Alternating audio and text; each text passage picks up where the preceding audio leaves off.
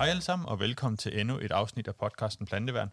Mit navn er Jesper Køsgaard, jeg arbejder for BSF Agricultural Solutions og laver podcasten her i Norden.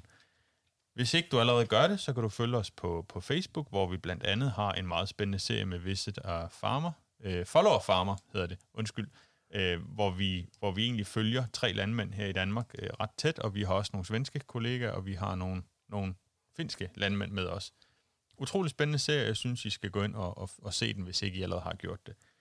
Med mig i dag, der har jeg min kollega Anders Fjernbo, og emnet i dag er egentlig nitrifikationshæmmer, øh, mere specifikt visure, hvor vi skal gå lidt i dybden med, hvordan kan vi egentlig gøre noget ved blandt andet de høje gødningspriser, hvordan vi kan imødekomme dem på, på en eller flere måder. Og velkommen til dig, Anders. Jo, tak.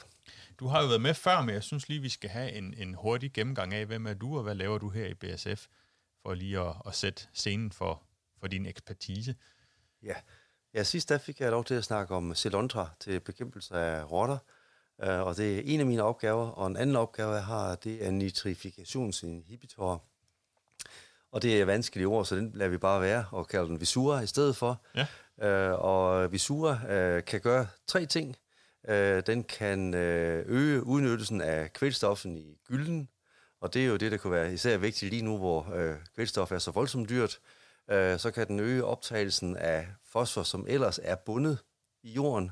Mm. Øh, og så kan den halvere udslippet af øh, CO2-ekvivalenter, det vil sige, det er, det er lattergas, den mindsker udbyttet af, og det regner man så om i CO2, for ligesom at have øh, noget at måle det op af, så man samlet set kan gøre det op for et landbrug i ESG, for eksempel, hvor meget man påvirker miljøet. Ja. Mm. Og hvad, hvad er din funktion i, i BSF? Sådan, det er jo ikke kun Visura og Celontra, du arbejder med. Der er vel andre ting også? Jeg har også et andet projekt, øh, som hedder øh, et øh, lukket overførselssystem øh, til plantebeskyttelsesmidler, øh, som vi øh, er så heldige, at øh, vores konkurrenter også er gået med i. Ja. Øh, det hedder Easy Connect. Vi har vel en 30 landmænd, der kører som øh, testpiloter for os øh, og for vores konkurrenter i Danmark og afprøver det. Og samtidig så har vi tre producenter af koblinger, som konkurrerer om at lave den bedste kobling, samtidig med, at vi så prøver på i vores produktionssteder, både hos os og vores konkurrenter, at få de her Easy Connect låg sat på, så det simpelthen er en standard. Øh, og for BSF's vedkommende, så vil jeg forvente, at vi allerede næste sæson har fem eller seks produkter, som bliver leveret med Easy Connect låg på. Ja, spændende. Og det er, jo, det er jo i høj grad for at sikre sikkerheden for sprøjteføren, øh, at, at vi har det her lukkede overførselssystem. Det er for at beskytte sprøjteføren, fordi man snakker meget om, at pesticider er farlige, men den, der er farlig for, det er absolut den, der arbejder med det koncentrerede produkt. Ja. Og dernæst så er der jo altid en minimal risiko for at komme til at spille, og med et lukket overførselssystem, så er den øh, risiko stort set elimineret. Man kan aldrig sige aldrig, for det kan jo være der kan en, dunk, mange ting. Der er en dunk, der går i stykker. Ja. ja. Men hvis vi skal komme tilbage til emnet nu her, så kan man sige, at det er jo ikke overraskende for mange, at, at gødningen er blevet dyr. Og den er jo ikke bare blevet lidt dyr, den er blevet meget dyr. Og nu snakker vi lige om indledningsvis her, at, at bare 20 kilo an, det kan jo være 400 kroner på, på markplan eller per hektar, at vi ja, snakker ja, om, om ja. reduktion. ja. Og det er jo her, hvor vi suger blandt andet kan, kan gøre nogle ting, og det kommer vi tilbage til, hvilke forsøg, der er lavet, og hvordan vi har, har fundet ud af det. Men, men helt grundlæggende, hvad er vi suger for et produkt? Fordi mange, når de hører sådan nogle, nogle produkter her, så tænker de jo straks på syre og, og farlige produkter. Og, ja, okay. Og, og hvad, ja. er, hvad er vi suger for et produkt? Ja, altså man må sige, øh, det er jo heller ikke orangesaft. Øh, det er kemi. Øh, det er virkstoffet, kalder vi bare helt kort for DMPP. Øh, og det virker på den måde, at når man får det i kontakt med jorden, så er der i jorden nogle bakterier, som kalder nitrosamonas bakterier, og det er dem, som omdanner ammoniumkvælstof til nitrat. Og det, som Visura gør, det er, at den bedøver de her bakterier i en periode på op til 14 uger. Så enhver form for ammonium, der kommer ud, hvad enten det kommer ud som staldgødning eller som øh, handskødning, øh, den ammoniums omdannelse til nitrat bliver bremset i den periode. Ja, og, og hvad er det så, det betyder for, for planter? Hvad er det nitrat er? Hvorfor vil vi hellere have ammonium, end vi vil have nitrat, vil jeg ja, sige? Det, er, det gode ved ammonium, det er, at uh, det bindes til jorden, til jordkolloiderne, og det vil sige, at uh, uanset hvor meget det regner, så kan den ikke vaskes ud. Lige starter den omdannet til nitrat, så er den vandopløselig, øh, og kan øh, øh, skyldes ud med overskudsnedbør. Ja. ja. Og hvad, hvad er det så, vi, vi kan, altså vi, vi opnår som, som planteavler ved at bruge det? Altså, en ting er, at vi kan, vi kan sikre, at det, det bliver jorden, men, men får vi også bedre optag? Er der noget andet, vi, vi opnår ved at bruge visuren?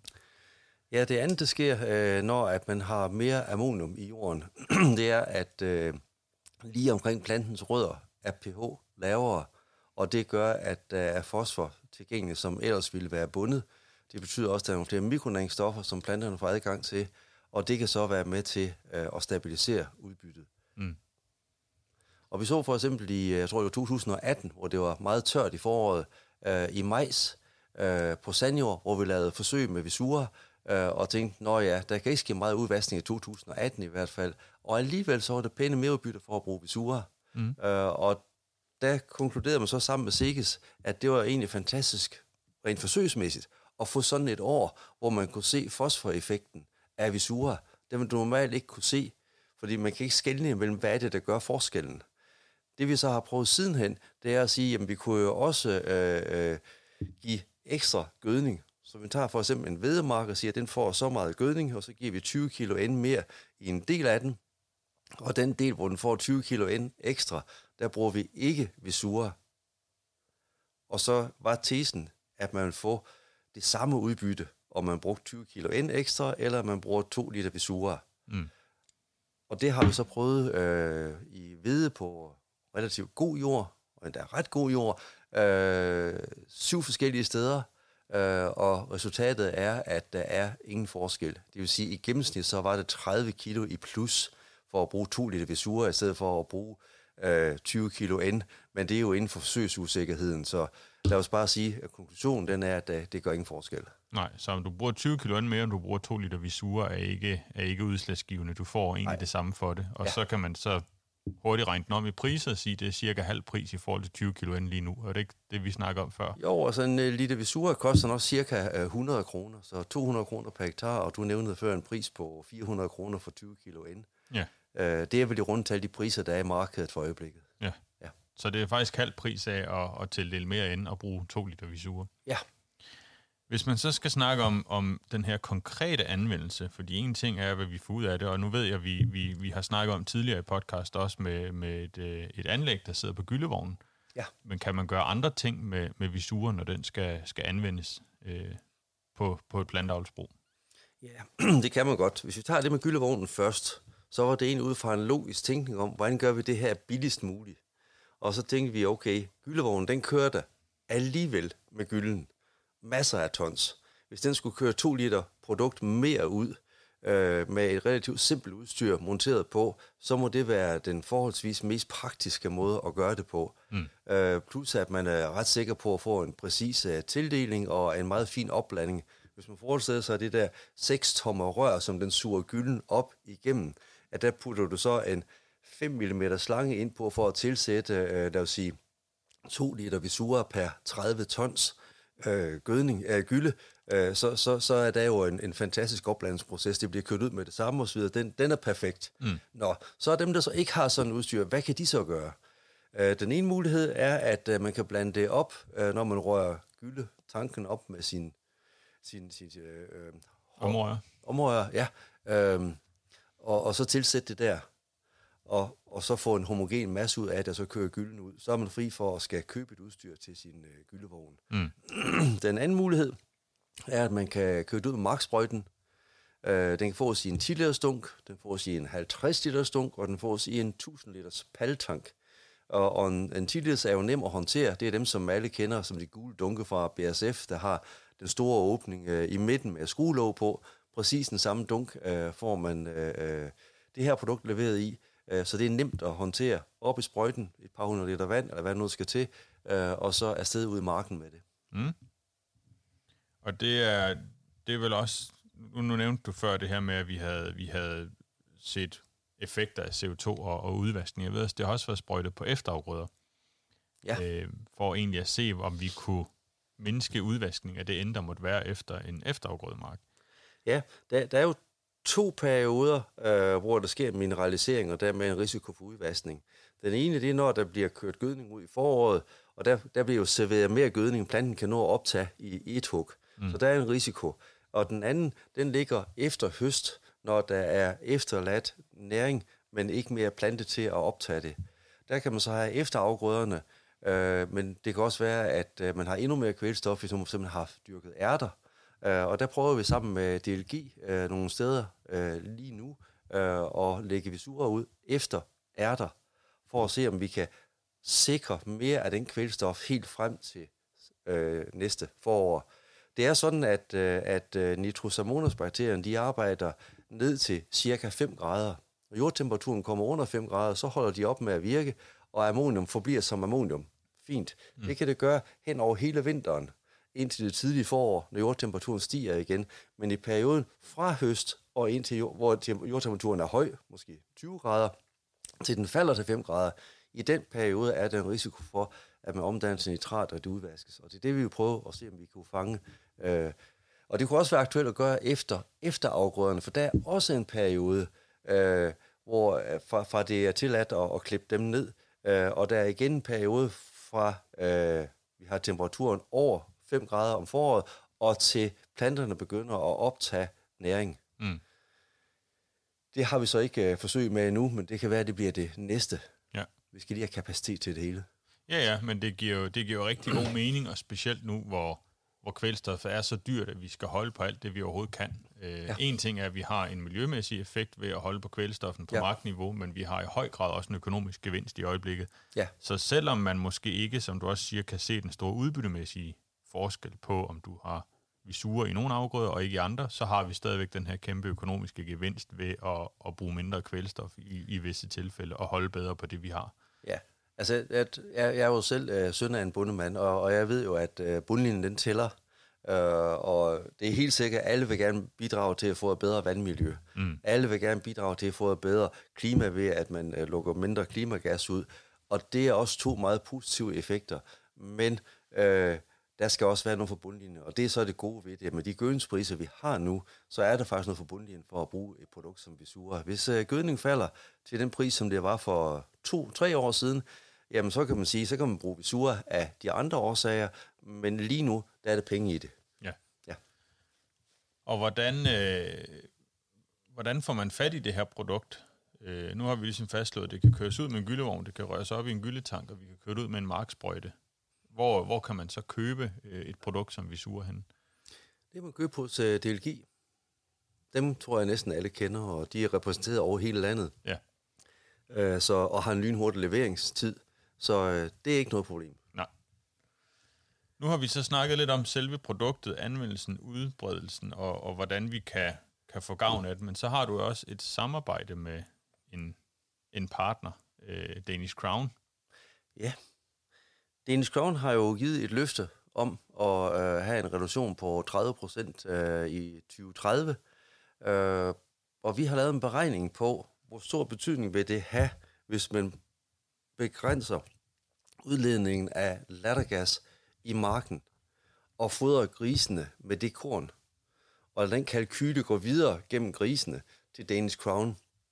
Og beregningen siger, at man kan reducere øh, udledningen med 3-5 procent Altså i hvert fald en tiende del af det, som man skal ud og foretage sig fra Sikkes, uh, undskyld, fra øh, Danish Crowns side, for at leve op til de løfter, man har givet. Uh, og efter vi har regnet på det, så har vi uh, aftalt at lave et, uh, en afprøvning uh, på et areal, der svarer til 1 million grise. De tænker jo i grisevolumen, måske uh, hos os tænker med i hektar. Så vi starter med 1 million grise og siger, Nå, okay, hvor mange hektar skal vi så bruge for at afle dem? Og der skal vi måske bruge 25.000 hektar, lidt afhængig af, hvem man har fat på, fordi mm. der er nogen, der er enormt gode til at udnytte fodret, så de får mere kød per 100 kilo korn, øh, og det tæller jo klimamæssigt også godt. Så er der nogen, der er gode til at afle store udbytter øh, per hektar, det tæller klimamæssigt også godt. Hvis man så samtidig kan sige, at man har øh, reduceret øh, CO2-ekvivalent udslippet med 50 procent ude i marken til det her korn, til de her grise, og så kører kreationen igennem, Øh, og det er det, vi prøver i stor skala i samarbejde med øh, Danish Crown, som jo er den primære i det. Øh, Sekis, som kontrollerer, hvordan det går for sig i marken, laver en såkaldt LCA-beregning øh, i marken, og Sekis gør det tilsvarende i stallen. Øh, og så vil vi så komme frem til at se, holder de 3-5 procent, og hvor meget er det på det enkelte landbrug. Så mm. landmændene også får en feedback på, hvor er vi egentlig henne, og hvor meget forskel vil det gøre for mit landbrug, hvis jeg gjorde det her. Ja. ja. Og man kan sige, at hele den her historie på, på at nedbringe CO2 og, og være mere miljøbevidst, det er jo ikke noget, som kun, hvad kan man sige, gavner øh, landbruget. Det gavner jo hele værdikæden omkring fødevareproduktion, og det er jo lige netop det, vi, vi går ind i her, og egentlig siger, hvordan kan vi hjælpe med at nedbringe Danish Crowns øh, CO2, men samtidig også forhåbentlig i sidste ende skabe en værdikædeforøgelse ved egentlig at gå ind i de her projekter. Øh, og jeg tænker, det er noget af det, der vægter højt også, når landmanden i fremtiden skal lave de her ESG-rapporter til, til deres bank og, og så videre, at man faktisk kan dokumentere, at vi gør de her tiltag.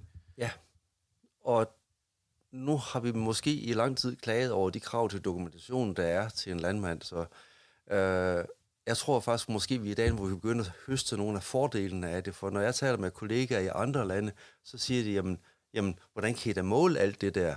Og når de så ser, hvad Sikkes er i stand til at have af viden over flere år på den enkelte mark hos den enkelte landmand, jeg har ikke mødt nogen andre steder, de har noget tilsvarende.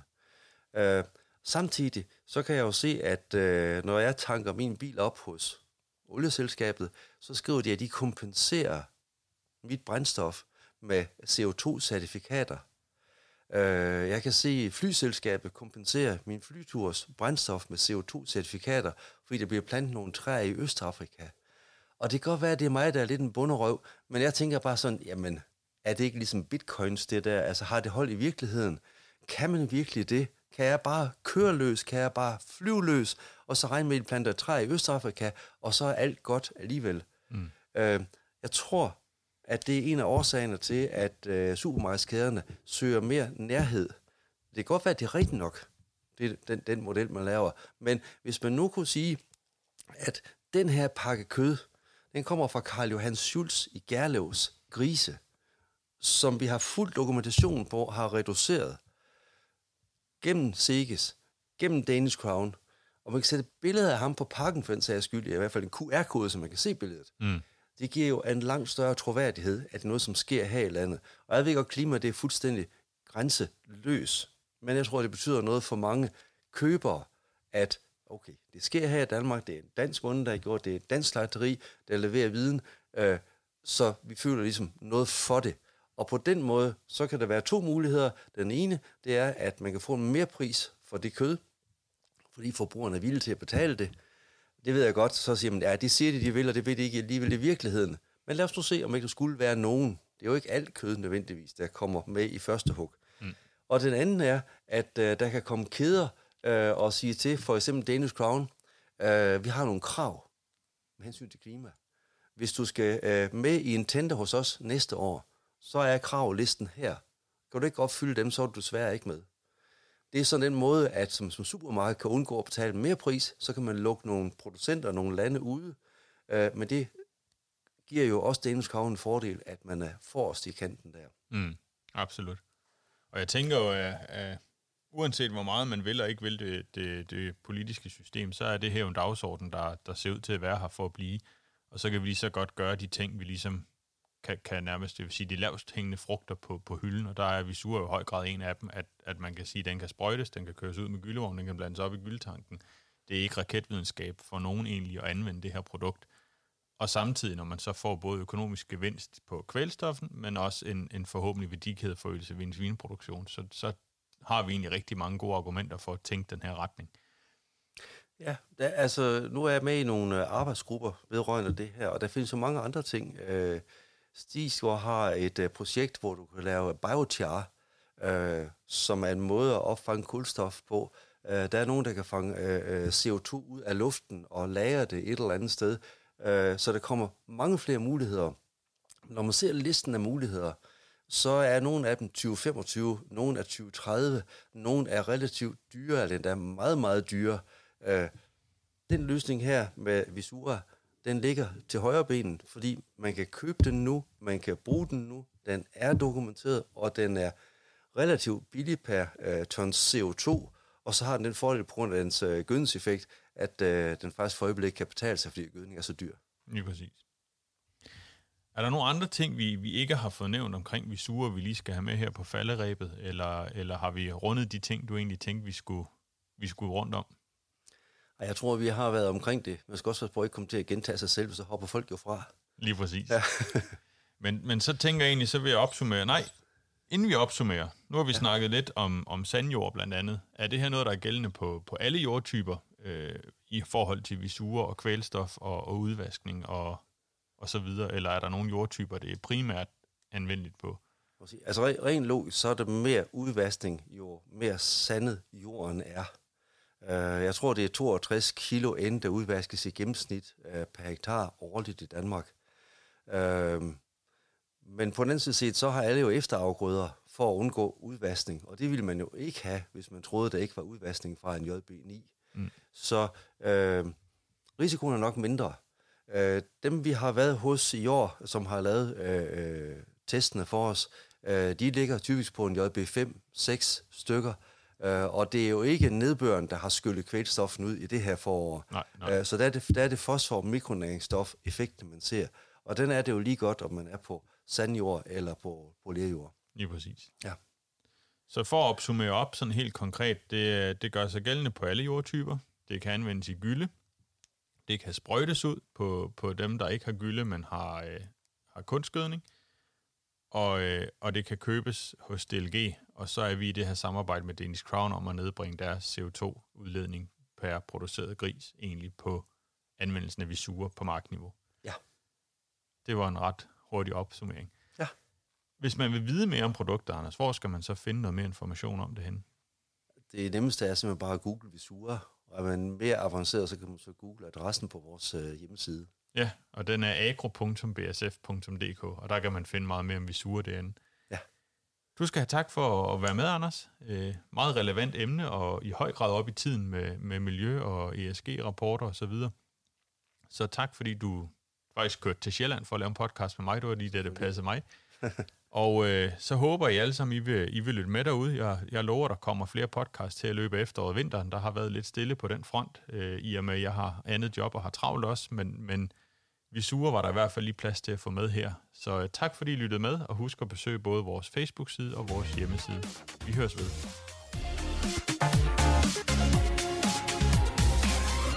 BASF. We create chemistry.